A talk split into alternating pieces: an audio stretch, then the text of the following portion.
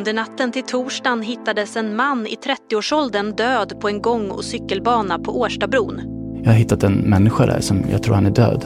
Men kan ni påbörja någon form av hjärt och lungräddning där? En septembernatt 2020 så skjuts en man ihjäl på en bro i Stockholm. Jag stirrar bara ut genom fönstret och bara shit liksom. Du har bara två eh, flyktvägar. Det är som en ren actionfilm. Enligt polisen har mordet kopplingar till den organiserade brottsligheten och Stockholms kriminella nätverk. Och fallet ska ta flera oväntade vändningar. Man vet vem som eh, dödade grannens son, men man kommer inte berätta det för oss. Då fick jag information om att det fanns topphemlig information. Jag fick inte yppa något till någon. Men kommer mordet på bron bli en i högen av alla olösta gängskjutningar? Du lyssnar på Podmi Dokumentär om mordet på Årstabron. En serie i tre delar. Jag heter Linnea Hjortstam. Det här är första delen.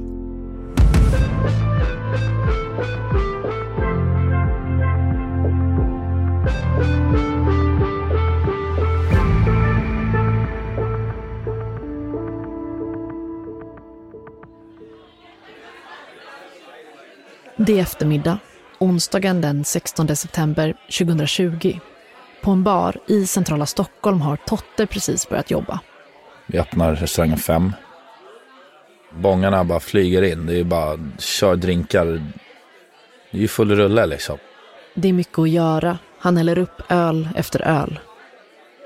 Det är riktigt bra stämning. På onsdagar är det quiz. Runt borden är det fullt med folk och Totte står i baren. Quizen börjar och lite mer chill liksom. Man får gå och fråga lite tystare liksom. Klockan passerar midnatt. Och sen så går alla vid en tidpunkt typ. Så att då kan man stänga i lugn och ro i alla fall. Totte häller ut slattarna, räknar kassan. Blåser ut ljusen, eh, torkar av alla bord, upp med stolarna, tvättar baren. En kollega hänger kvar. Han väntar på att Totte ska sluta. Då tar man väl ett litet glas liksom med bira. Det är så socialt och trevligt där så det är klart man hänger kvar om man kan liksom. Tottes kollega Patrik har serverat hela kvällen. Det var en lugnare kväll för jag gick av tidigare än vad jag brukar göra. Och jag bestämde mig för att sitta kvar en stund för att Totte skulle gå av. Så då tänkte jag, men stanna kvar en. Um, så kan jag ta sällskap med honom. De tar varsin öl och pratar om kvällen innan de börjar runda av. Checkar det sista, lyssnar på musik. Eh, är det något nytt vi har? Jag brukar spela någon skojig låt som jag tjatar ut tills jag inte kan lyssna på den längre. Ja, kanske käkar någonting den här stackars burriton som har legat där sen. Eh, det finns ju inte alltid tid att käka när man vill där. Så att eh, självklart, man är ju skift liksom. Men ehm, skulle vi gå hem efter vi har stängt, kika så alltid låst, släckt och rycker i dörren. Och, um, han låser upp sin cykel. Vi promenerar.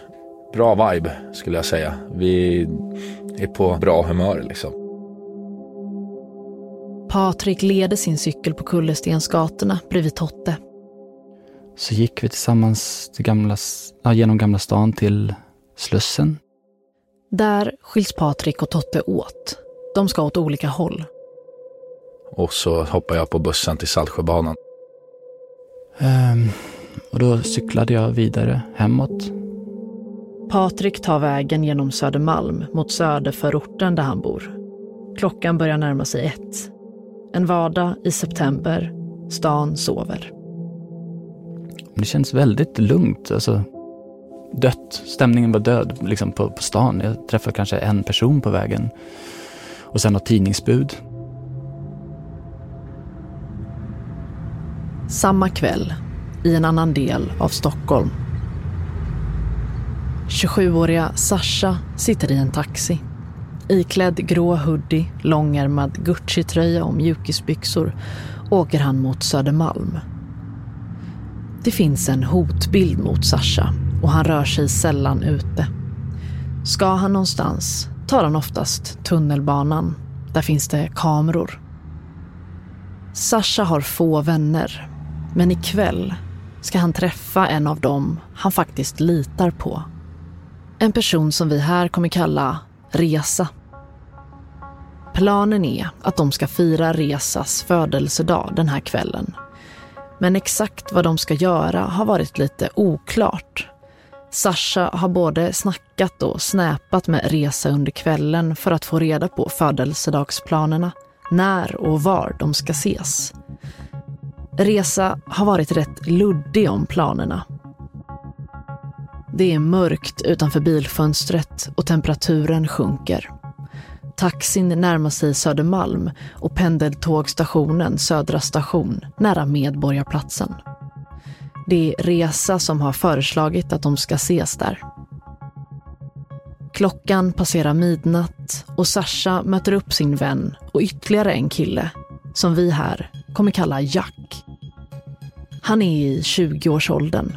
Sasha känner egentligen inte Jack så bra. Det är Resas vän. De tre, Sasha, Resa och Jack, hälsar på varandra och börjar gå i riktning mot Årstabron.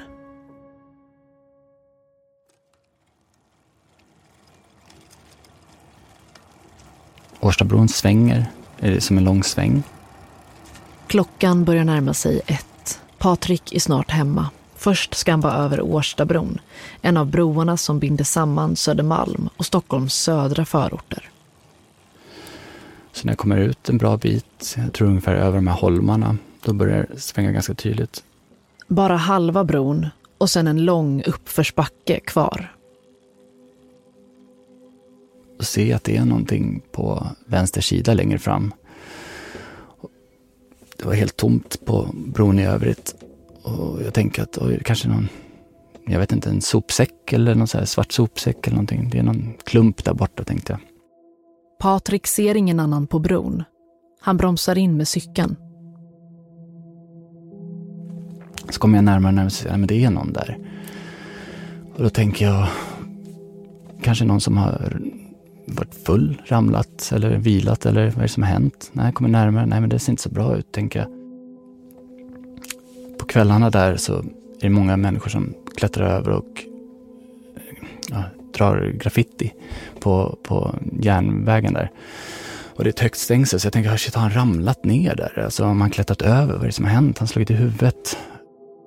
Han kommer väldigt nära personen som ligger på gångbanan. Det är mörkt och tyst på bron. Ställer mig en meter ifrån så ser jag liksom, det är, en, det är en människa som ligger där. Och jag ställer mig vid cykeln och ropar på honom tycker att han, men nu, vakna nu, vakna. Hallå, skriker jag. Och ingenting, hans ögon bara fästa rakt ut i himlen så. Och så ser jag att han blöder i huvudet. Och jag blir skitstressad. Jag tänker, fan är det här? Men jag fylls av en jätteoro och stress. Och känner, här, men här vill inte jag vara. Mitt på den här Årstabron, själv, mitt i natten. Så jag sätter mig på cykeln och eh, tar upp min telefon och sätter i headset. Med några få procent kvar på mobilen ringer han sin kollega Totte. Han är en av mina närmsta vänner och när jag var där eh, så kände jag att jag vill att han ska veta vad jag är, vad som har hänt. Han vet var jag bor, han vet vilken väg jag cyklar. Eh, jag vet inte vad som händer, men det känns bra att han, att jag pratar med honom. Totte står och väntar på tåget på Saltsjöbanan. Precis när jag kliver på och sätter mig, lägger av mina grejer, då ringer Patrik mig. Jag har hittat en människa där som jag tror han är död. Han ligger med öppna ögon och stirrar ut. Jag måste hem, kan du ringa polisen? Jag stirrar bara ut genom fönstret och bara shit liksom. Bara, hur, hur, hur kan jag hjälpa till självklart? Ja, hejsan. Eh, Totte heter jag. Hej. Eh, det är så att min kollega, vi skulle cykla från jobbet eh, och eh, och så skildes vi åt. Då cyklar han från Södra station till Årstaberg och på bron där över då ser han en man ligga med blod från huvudet och eh, uppspärrade ögon och livlös. Mitt på bron bara låg han. Mitt på Årstabron? Ja, precis. Klockan är prick ett när Totte ringer SOS Alarm. Det var alltså inte jag som såg det, utan det är min kollega då som... Uh, det låter ju väldigt obra kan man säga. Ja, verkligen. Ja, men han, han, han, han ropade på honom och bara hallå, hallå, hur... Men han svarade inte och låg med uppspärrade ögon. Och han är jättekänslig, min kollega, så han, han klarade inte av alltså, Han bad mig, han bara snälla Totte, kan du ringa? Liksom, Under tiden Totte pratar med larmoperatören cyklar Patrik snabbt från Årstabron. Jag frågasätter mig själv jättemycket. Varför ringde inte jag bara själv? Eh, varför stannade jag inte kvar? Eh, även om jag vet svaret att nej, jag, jag vill inte vara där. Men man, någonstans tänker man väl att man kan göra bättre. även i det här, sådana här situationer.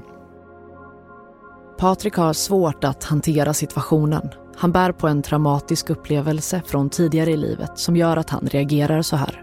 Och han klarar inte av att ringa SOS Alarm eller stanna på platsen. Jag eh, kände mig väldigt trängd att stå där mitt på, på den där bron. Eh, det var inte en människa eh, runt omkring. Efter bron tar Patrik småvägar. Han väljer en annan väg än den han brukar ta. Jag tog inte den snabbaste vägen hem för att det är en jättelång uppförsbacke. Jag tror inte mina ben skulle burit där. Alltså, jag, jag var jävla stressad. Jag ville bara hem. Jag hade en procent kvar på min telefon. Eh, tänkte jag vill inte vara kvar här. Samtidigt som Patrik cyklar hem glider ett ensamt pendeltåg genom Stockholm. Lokföraren på tåget har gjort sitt kvällspass och är på väg mot depån. Det pågår spårarbete på rälsen och lokföraren måste stanna vid en stoppsignal. När han blickar ut på gång och cykelbanan vid sidan av spåret ser han en man som stannat på bron. Mannen försöker titta in i förarhytten. Det är mörkt ute. Lokföraren ser inte så mycket av honom. Men mannen fortsätter att stirra in i tåget. Som att han försöker få lokförarens uppmärksamhet. Till slut öppnar lokföraren sin hytt. Mannen säger att det ligger en människa på marken. Lokföraren tittar dit och ser då samma man som Patrik cyklade ifrån några minuter tidigare. Svensk 112, vad inträffat? Ja, eh, hej. Jag jobbar som lokförare på MTR pendeltåg. Mannen på bron ber lokföraren ringa 112. Klockan är sex minuter över ett. Eh, jag har stannat vid en stoppsignal och bredvid mig utanför tåget alltså, så är det en person som ligger medvetslös. Okej. Okay. Eh, på Årstabron. Ett högt stängsel skiljer pendeltåget från gångbanan. Lokföraren kan inte ta sig till den livlöse mannen. Och ni, ni får, han reagerar inte alls på tilltal? Nej, han, han reagerar inte alls. Nej, okej. Okay. Andas han någonting? Andas han? Lokföraren måste kommunicera med mannen som tidigare stannat honom samtidigt som han pratar med SOS Alarm. Han andas inte. Känner du på överläppen om han andas? Ja. Han vet inte. Det är en... Han ser att man ser att han inte andas. Larmoperatören ger instruktioner till lokföraren. Eh, men kan ni påbörja någon form av hjärt-lungräddning där? Ursäkta. Kan du påbörja hjärt-lungräddning? Gör kompressioner. Lokföraren kan HLR, men han kan inte lämna tåget. Och mannen på bron vet inte vad han ska göra. Kanske inser han också att mannens liv inte kommer gå att rädda. Alltså personen som har stannat med honom vet inte riktigt vad han ska göra. Okej, säg åt honom att håll raka armar. Lägg den ena handen uppe på den andra. Ja. Och så trycka ner rakt i bröstet. Vet du hur gammal han är ungefär? Hur gammal personen är? Ja. Uh, hur gammal är personen tror du? Linan är brusig. Lokföraren och larmoperatören har ibland svårt att höra varandra. Vad sa du? Det är polisbil som har använt den. Ungefär tre och en halv minut in i samtalet kommer polisen. Okej, okay, ja, men jättebra. Då tar de över där. Ja. Jättebra att du ringde. Polisen påbörjar hjärt och lungräddning på den livlöse mannen. Allt fler polisbilar kör mot Årstabron och när ambulans anländer tar sjukvårdspersonal över. I 17 minuter kämpar de för att rädda mannens liv. Under natten till torsdagen hittades en man i 30-årsåldern död på en gång och cykelbana på Årstabron. Under natten inleddes en teknisk undersökning av platsen och under stora delar av torsdagen har Årstabron varit avstängd. Polisen har inlett en förundersökning gällande mord. Mannen på bron är Sasha. En ung man på väg att fira en kompis födelsedag. En polis på plats tror sig känna igen Sasha. Han jämför med en bild från polisens register och enligt fotot har Sasha en tatuering. Den stämmer överens och polisen kan identifiera Sasha redan under natten. Boende i närheten har hört höga smällar. Sasha har blivit skjuten med fem skott. Tre i ryggen, två i huvudet. Polisen har inlett en förundersökning om eh, mord alternativt dråp eftersom man inte kan utesluta brott som man säger. Mannen påträffades vid ett-tiden i natt av förbipasserande som larmade polisen. På brottsplatsen vid Sasha så hittas eh, två av hans telefoner. Det här är krimjournalisten Eva-Lisa Wallin. Det materialet går polisen igenom. Hon kommer att följa fallet från dag ett. Och tillsammans med det som familjen berättar om vad planen eh, för Sasha var den här aktuella kvällen så lyckas man ju lite grann gå i hans eh, fotspår och kartlägga vad han gör sina sista timmar i livet. I det här läget så vet polisen inte så mycket om själva mordtillfället. Både Patrik som cyklade förbi och lokföraren som ringde 112 kom ju dit först efter händelsen och såg inget av några gärningspersoner. Men polisen får in fler vittnesuppgifter. Bland annat så ska ett vittne ha sett två personer på bron strax efter skotten. Vittnet hade hört ljud som påminde om skott, blickat ut över bron från sitt fönster och då sett två personer röra sig där. Den ene ska enligt vittnet haft på sig en röd luvtröja och en beige rock. Den andra en svart dunväst. Men det verkar inte finnas några vittnen till själva mordet och inga tydliga tekniska spår av gärningspersoner på platsen. Och med hjälp av Sashas två telefoner som hittades på brottsplatsen och förhör med anhöriga kan polisen kartlägga vad Sasha har gjort sina sista timmar i livet. Så det polisen får göra är att gå i Sashas fotspår. Sasha är hemma hos en av sina systrar den här eh, kvällen. Han har rätt mycket kontakt med en av sina vänner. Den här vännen som Eva-Lisa Wallin pratar om är alltså Resa. Då har han då kontakt med den här vännen. De snackar om att ses, försöker bestämma en plats och till slut så gör de upp om att ses inne på Söder. Systern bokar också en eh, bil som ska ta honom dit.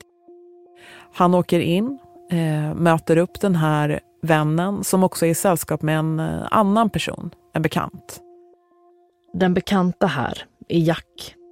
Eh, exakt vad de gör och vad de pratar om, det är ju lite svårt att veta. Men de fångas av olika övervakningskameror när de eh, promenerar på Söder och rör sig mot Årstabron. Men på Årstabron finns inga övervakningskameror. Det verkar som, utifrån den tekniska utredningen, att eh, han blir träffad av skott, rör sig, träffas av ytterligare skott. När polisen nu identifierat Sasha vet de också att han har blivit utsatt för två mordförsök tidigare. Det finns uppgifter om att han verkat i en kriminell miljö och har haft kopplingar till kriminella nätverk i Stockholmsområdet. Men hans bakgrund ska vi återkomma till längre fram.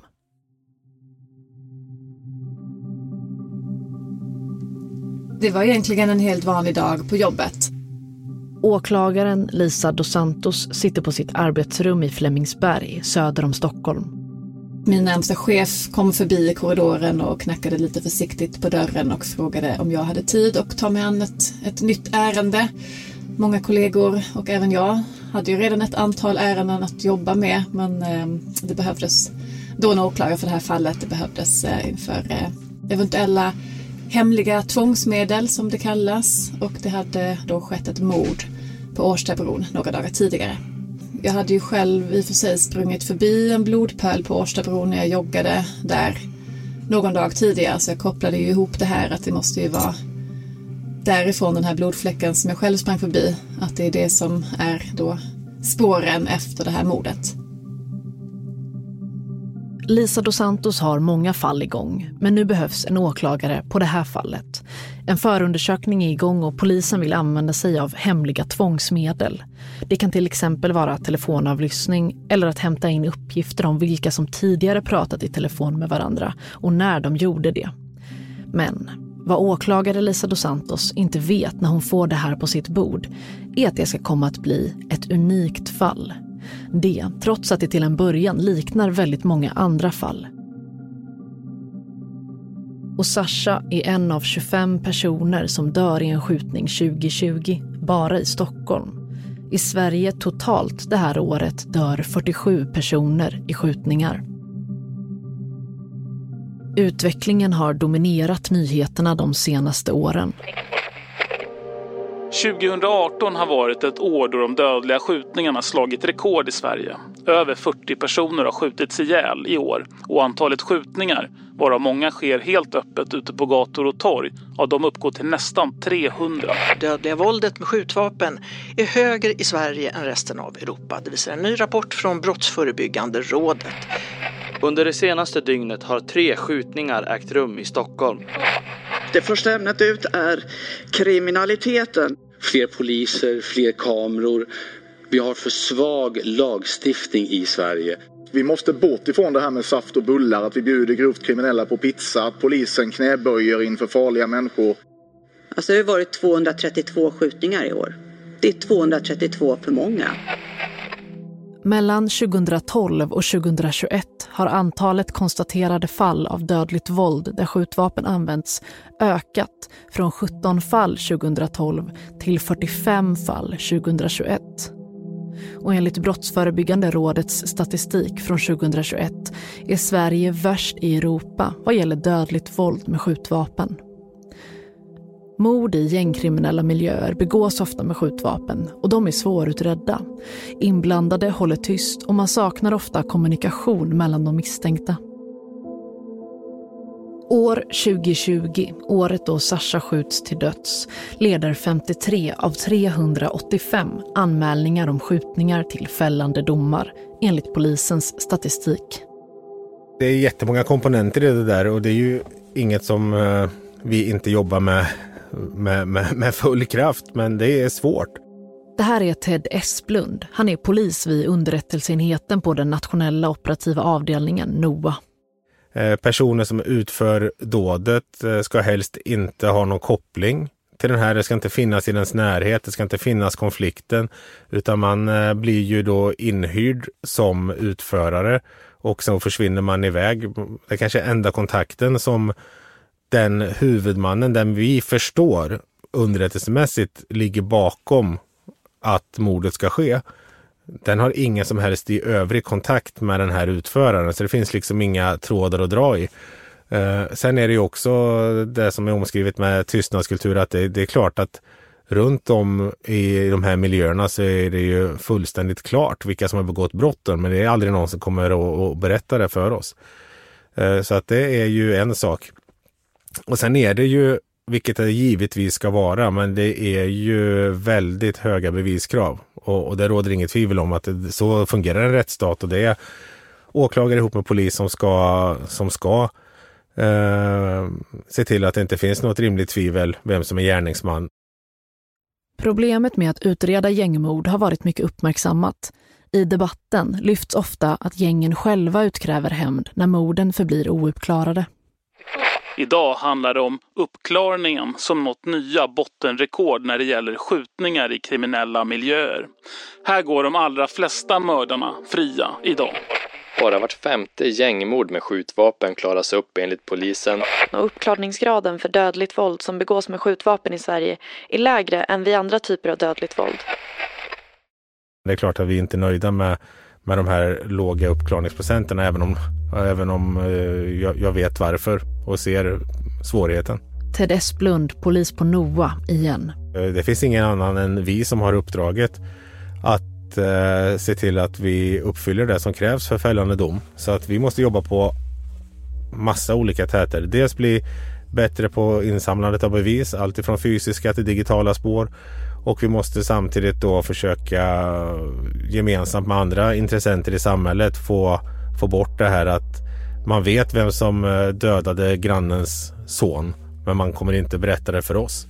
Eh, man måste börja få tillbaks civilkuraget där man står upp för, för det här och ta bort den här eh, upplevda gangsterkulturen att man inte ska gola eller vad de nu snackar om för att eh, vi ser ju hur lite lojalitet ändå är värt.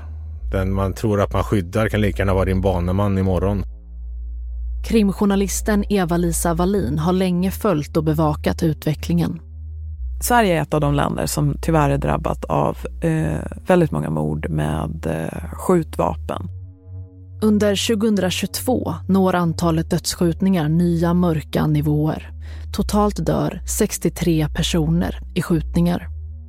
Att det sker en skjutning, alltså ett mord med skjutvapen i offentligheten är kanske tyvärr inte så himla ovanligt när man kollar på de här morden. Men däremot själva platsen, nästan mitt på Årstabron, är ju ett rätt eh, udda val av plats. Det är svårt att ta sig därifrån. Du måste antingen liksom gå ena eller andra vägen. Du har bara två flyktvägar. Så det är speciellt. Trots att det bara finns två flyktvägar som gärningspersonen eller personerna kan ha tagit från platsen ser åklagare Lisa dos Santos att det finns andra saker som talar emot en enkel lösning av fallet. Det stod ju klart från början att det här var ett mord som hade begåtts i en gängkriminell miljö. Och jag som har jobbat i ett antal år med grova brott vet ju att det är rätt typiskt i de här utredningarna att vi inte särskilt ofta får människor att prata och att vi inte heller har tillgång till någon kommunikation mellan brottsaktörer. Så att det är en uppförsbacke man har redan inledningsvis. I flera medier, däribland Dagens Nyheter och SVT, har Sasha kallats för gängledare och en ledargestalt i ett av Stockholms kriminella nätverk. Sasha är dömd för bland annat rån, narkotikabrott, misshandel och vapenbrott. Enligt polisen ska han tidigare ha varit del av ett kriminellt nätverk. Han har avtjänat fängelsestraff och fått ungdomsvård under uppväxten.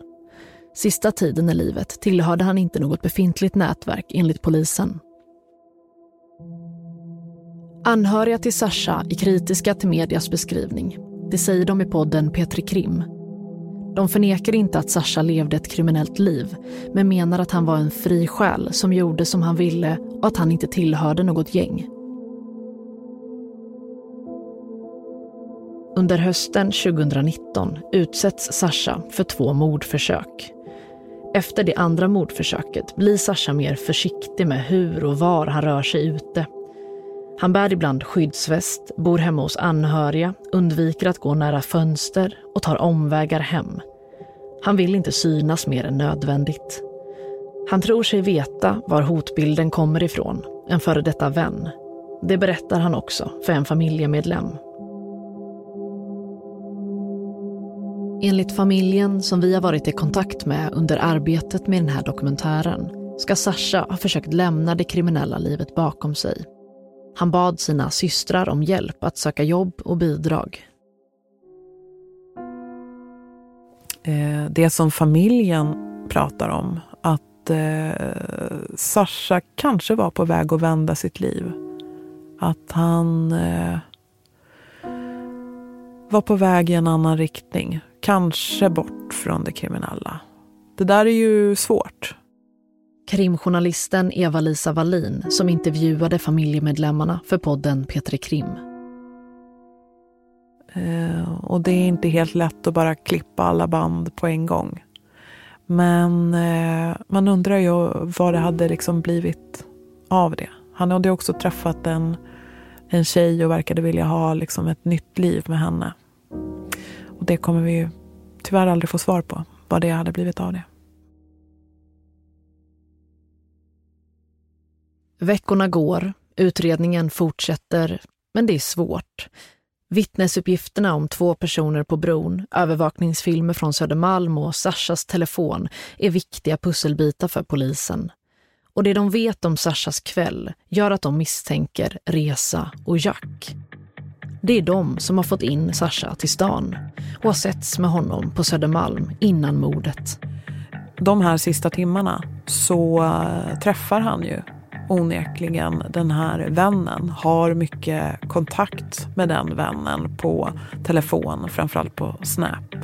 Och eh, det finns ju också då övervakningskameramaterial från hur de har rört sig på Söder. Och det gör ju den här vännen till Sasha och även den här då andra personen, den som var mer av en bekant, väldigt intressanta för utredningen. Den 10 november 2020, knappt två månader efter mordet, agerar polisen på misstankarna.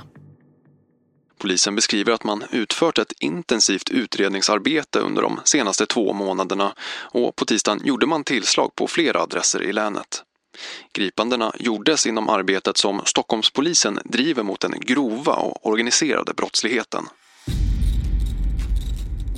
Och en av de anhållna är Sashas vän, Resa. Vännen som fyllde år. Vännen Sasha litade på. Resa misstänks nu ha lurat in Sasha i en dödsfälla. De blir eh, misstänkta och eh, häktas också under hösten. Ja, både Resa och Jack häktas alltså, tre dagar senare. Polisen har gjort framsteg, men motivet, vad som kan ligga bakom brottet, är oklart. Båda är kända av polisen sedan tidigare. Resa är äldre och har mer brottslighet med sig. Jack är den yngre av dem. Inte så värst mycket på det kriminella CVt sedan tidigare. Men eh, som sagt, bekant med Sasha. Enligt åklagaren Lisa dos Santos och utredande polis sägs Jack tillhöra en kriminell gruppering i Årsta. En kriminell gruppering som även Resa anses tillhöra. Han är ungefär jämnårig med eh, Sasha, känner honom sedan ett antal år. Tidigare dömd för brott, eh, också ansedd av polisen som en eh, rätt eh, farlig, oberäknelig person. Eh, när han grips så finns det en speciell markering eh, hos polisen om att man ska vara rätt försiktig gällande honom. Polisen gör husrannsakningar och fortsätter att söka efter bevis. De beslagtar datorer och mobiltelefoner. En av Jacks telefoner är krypterad och polisen kommer inte åt det som finns på den. Telefonen Resa använde under mordnatten hittas inte. Han ska ha skaffat en ny telefon med ett nytt nummer dagen efter mordet.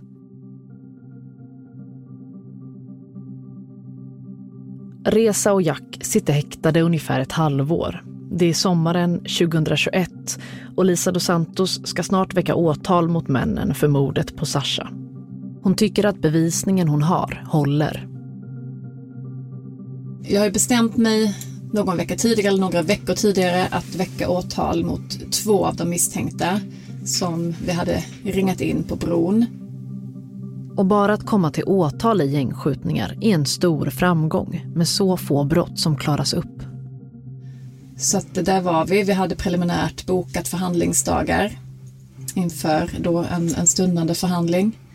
Men ett plötsligt samtal kommer emellan. Och sen får jag då ett eh, samtal av en vicechef på en annan åklagarkammare som sysslar med lite mer internationella frågor. Och blev ombedd att lägga ut mina telefoner från tjänsterummet. Kollegan ringer upp på Skype.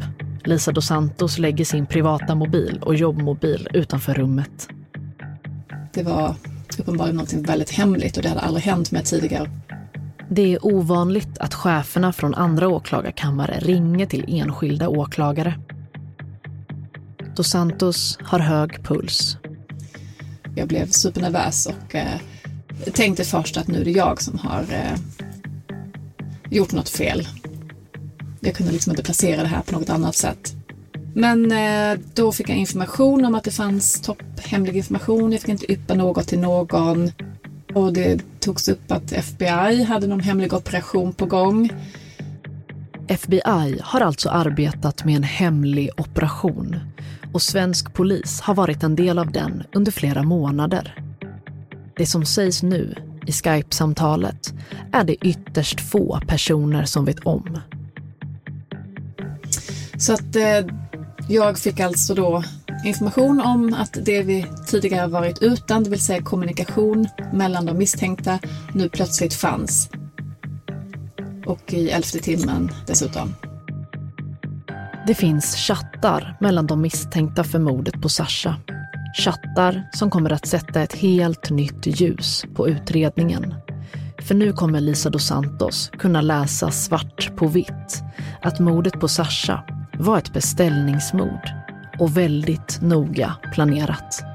Det var ju dubbelt. Dels att man fick reda på att det fanns en sån här världsomspännande operation. Det hände ju inte heller särskilt ofta FBI inblandade. Det är som en ren actionfilm såklart, men att det också berörde mitt mordfall.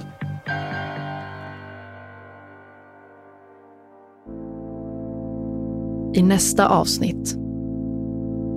Utifrån det han berättar under mötet så förstår jag ju att det här, är, det här blir stort igen och kanske ännu större och det, det var häftigt att vara med om. Svensk polis dras in i en enorm hemlig operation ledd av FBI och mordet på Årstabron hamnar i fokus. Det är ett av de första eh, riktigt allvarliga ärendena som vi får bra information om. Jätteinsats mot organiserad brottslighet. Svensk polis har ledande roll i kampen. Idag hölls de första häktningsförhandlingarna efter måndagens stora polisinsats kopplat till insatsen Trojan Shield. Och bartendern Totte, som ringde SOS Alarm, åker till brottsplatsen. Jag tycker mig känna igen det här namnet på, på banderollen. Då slår det mig lite senare att eh, den här personen verkar ju ha kunnat varit en skolkamrat till mig.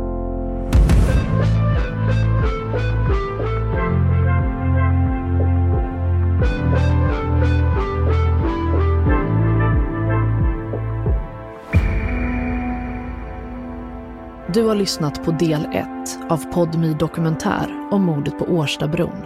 En serie i tre delar av tredje statsmakten Media. Producent Filip Bom. Ljudmix av Fredrik Nilsson. Jag heter Linnea Hjortstam. Exekutiv producent på Podmi är Emilia Melgar Arnheim. Ljudklippen du har hört kommer från Sveriges Radio och Expressen. Vi har sökt Resa och Jack, som egentligen heter något annat. Vill du höra alla delar kan du göra det redan nu hos Podmi.